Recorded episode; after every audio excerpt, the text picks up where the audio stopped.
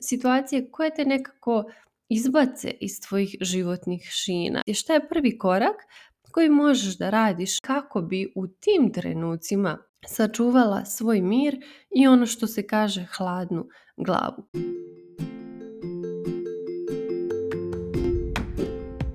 Dobrodošla u novu epizodu mog podcasta u kome se bavimo ličnim razvojem i radom na sebi. Ja sam Dragana Potpara i svojim primjerom ti pokazujem kako da izabereš sebe i zaživiš svoj puni potencijal.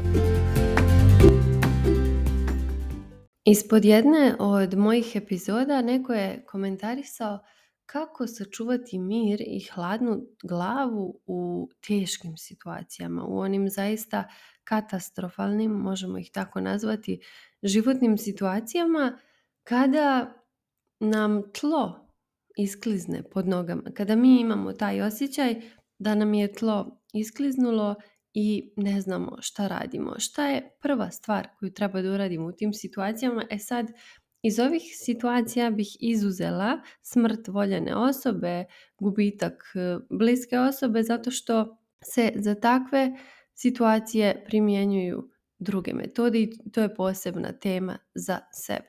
Ali ajde da kažemo da se ovo iz današnje podcast epizode može primijeniti na sve ostale katastrofalne neželjene situacije koje ti se mogu desiti u životu kao što je na primjer da si imala neki, neki udes, neku saobraćajnu nesreću, kao da je, na primjer, da izgubiš posao, da prekineš odnos sa partnerom, da prekineš odnos sa nekim prijateljem, da odjednom ostaneš bez financija, da upadneš u velike dugove. Sve te neke situacije koje su ti strašne, koje ti nisu standardne, sa kojima ne možeš tako lako da izađeš na kraj i koje ti nisu neka rutina i neka redovnost pa da ti znaš kako da se nosiš sa njima i sve te situacije koje te nekako izbace iz tvojih životnih šina. E pa ova današnja epizoda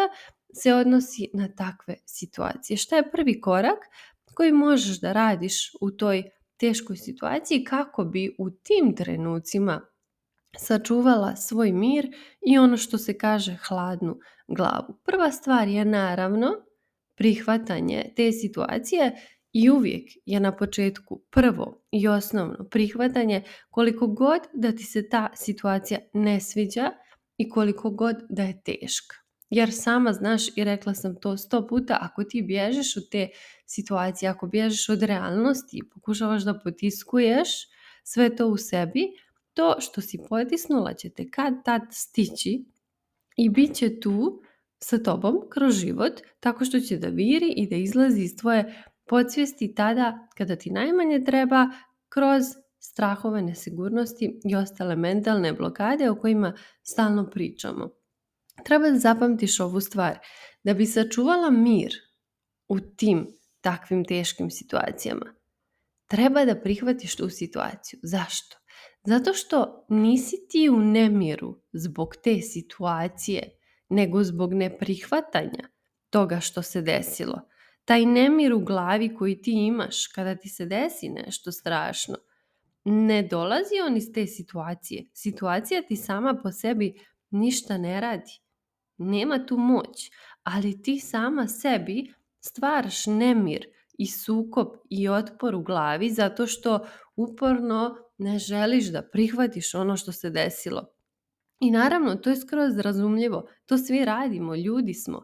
Teško nam je. Ne želimo da se suočimo sa realnošću. Previše je bolno i onda nam je lakše da se borimo protiv toga, da pružamo otpor, da se pravimo kao da se nije desilo, da to potiskujemo, da guramo u sebe. Zato to radimo naravno jer jer je suočavanje i prihvatanje jako, jako teško i to je skroz prirodno, ne treba da se osjećaš loše zbog toga, ali da. samo osvijesti da taj nemir koji ti osjećaš u glavi i u sebi nikada nije zbog te situacije, nego zbog tog da. stanja koje ti imaš u glavi, zbog tih misli, zbog tog neprihvatanja i zbog tog otpora koji pružaš prema situaciji. Zato je prvi glavni korak da prihvatiš ono što se desilo. Da bi imala hladnu glavu. Šta je drugi korak? Drugi korak je preuzimanje odgovornosti. Kada prihvatiš tu situaciju, spremna si da preuzmeš odgovornost. Jer, na primjer, ako si ti imala neku saobraćajnu nesreću, ti treba da preuzmeš odgovornost za tu situaciju i da preispitaš koliki je tvoj dio i procenat odgovornosti bio u tome što si doživjela tu nesreću i na koji način si ti mogla to da spriječiš. Ili, ako si ostala bez posla, treba da vidiš kolika je tvoja odgovornost i odgovornost u tvom ponašanju. Koje tvoje ponašanje je doprinijelo tome da ti ostaneš bez posla? Ili ako si prekinula neki odnos, nebitno da li je romantični ili prijateljski, pogledaj koji su to dijelići i dijelovi odgovornosti u odnosu tvoji. Dakle, dijelovi za koje si ti odgovorna u odnosu i zbog kojih je taj odnos prekinut. Zašto je važan ovaj korak preuzimanje odgovornosti? Zato što kada ti preuzmeš odgovornost za određenu situaciju, za određenu neželjenu situaciju. Ti vraćaš moć u svoje ruke i učiš iz te situacije. Zašto? Zato što ako si već preuzela odgovornost, to znači da se ti sada fokusiraš na svoje greške i na ono što se može popraviti, prilagoditi, primijeniti, naučiti kod tebe kako ti se ista situacija ne bi desila i naredni put.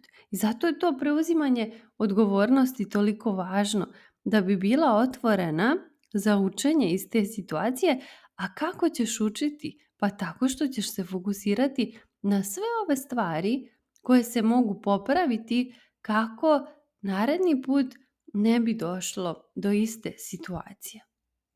I šta je onda treći korak? Kada si prvo prihvatila situaciju, kada si preuzela odgovornost za nju i potražila gdje su sve tvoji procenti i dijelovi odgovornosti, tek onda si spremna da pređeš na treći korak.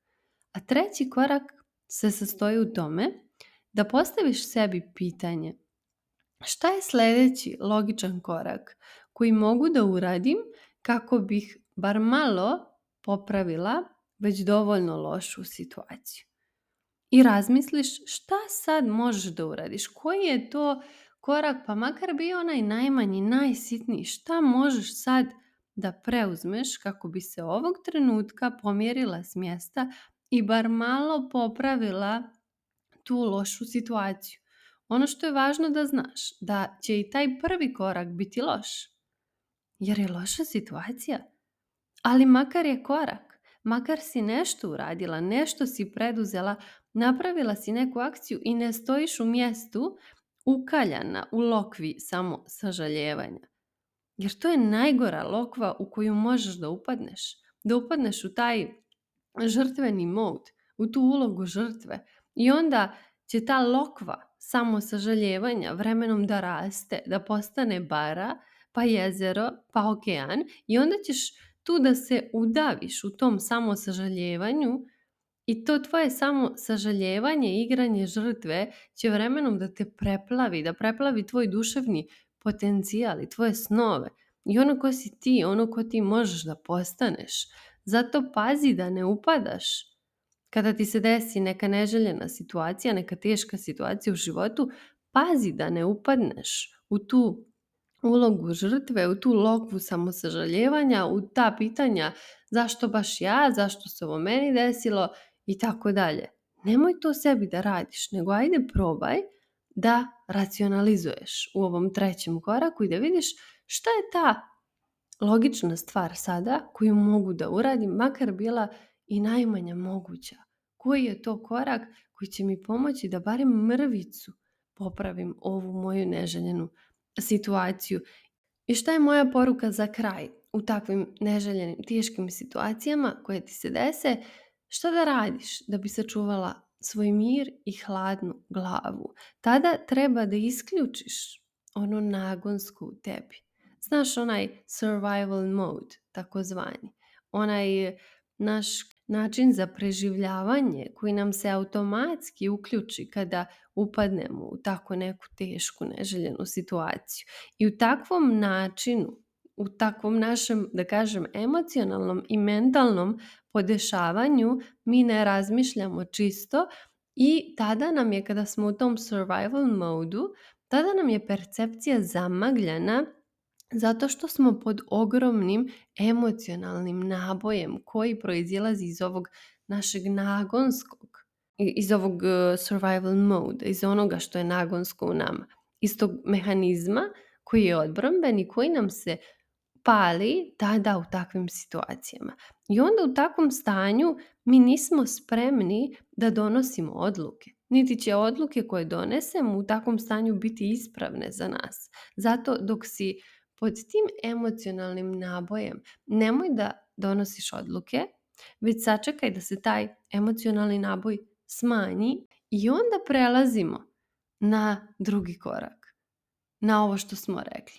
Jer je prvi korak to prihvatanje situacije i tada ćeš da sačekaš da ti se glava ohladi, da izađeš iz tog načina za preživljavanje i onda tek prelaziš na ovo preuzimanje odgovornosti i na ovo razmišljanje o tome šta će da bude tvoj naredni korak. Jer u toj situaciji kad si pod stresom, kada krene emocionalni naboj, kad si napeta, kad si tužna, razočarana, očajna, kada te obaspu i opsjednu sve te teške emocije. Nemoj tada u tom trenutku da donosiš odluku, već probaj da racionalizuješ. Tada probaj da se emocionalno distanciraš od te situacije kako bi mogla čistije da razmišljaš i kako bi mogla da doneseš tu pravu odluku i da smisliš koji je to moj prvi sledeći logičan korak koji mogu da uradim kako bih bar malo popravila ovu lošu situaciju. Hvala ti što si izdvojila vrijeme da poslušaš ovu epizodu mog podcasta. Ako su ti teme koje obrađujem zanimljive i želiš da radiš sa mnom, najbolji način da budeš u toku sa svim novostima je newsletter na koji se možeš prijaviti na mom Instagram profilu.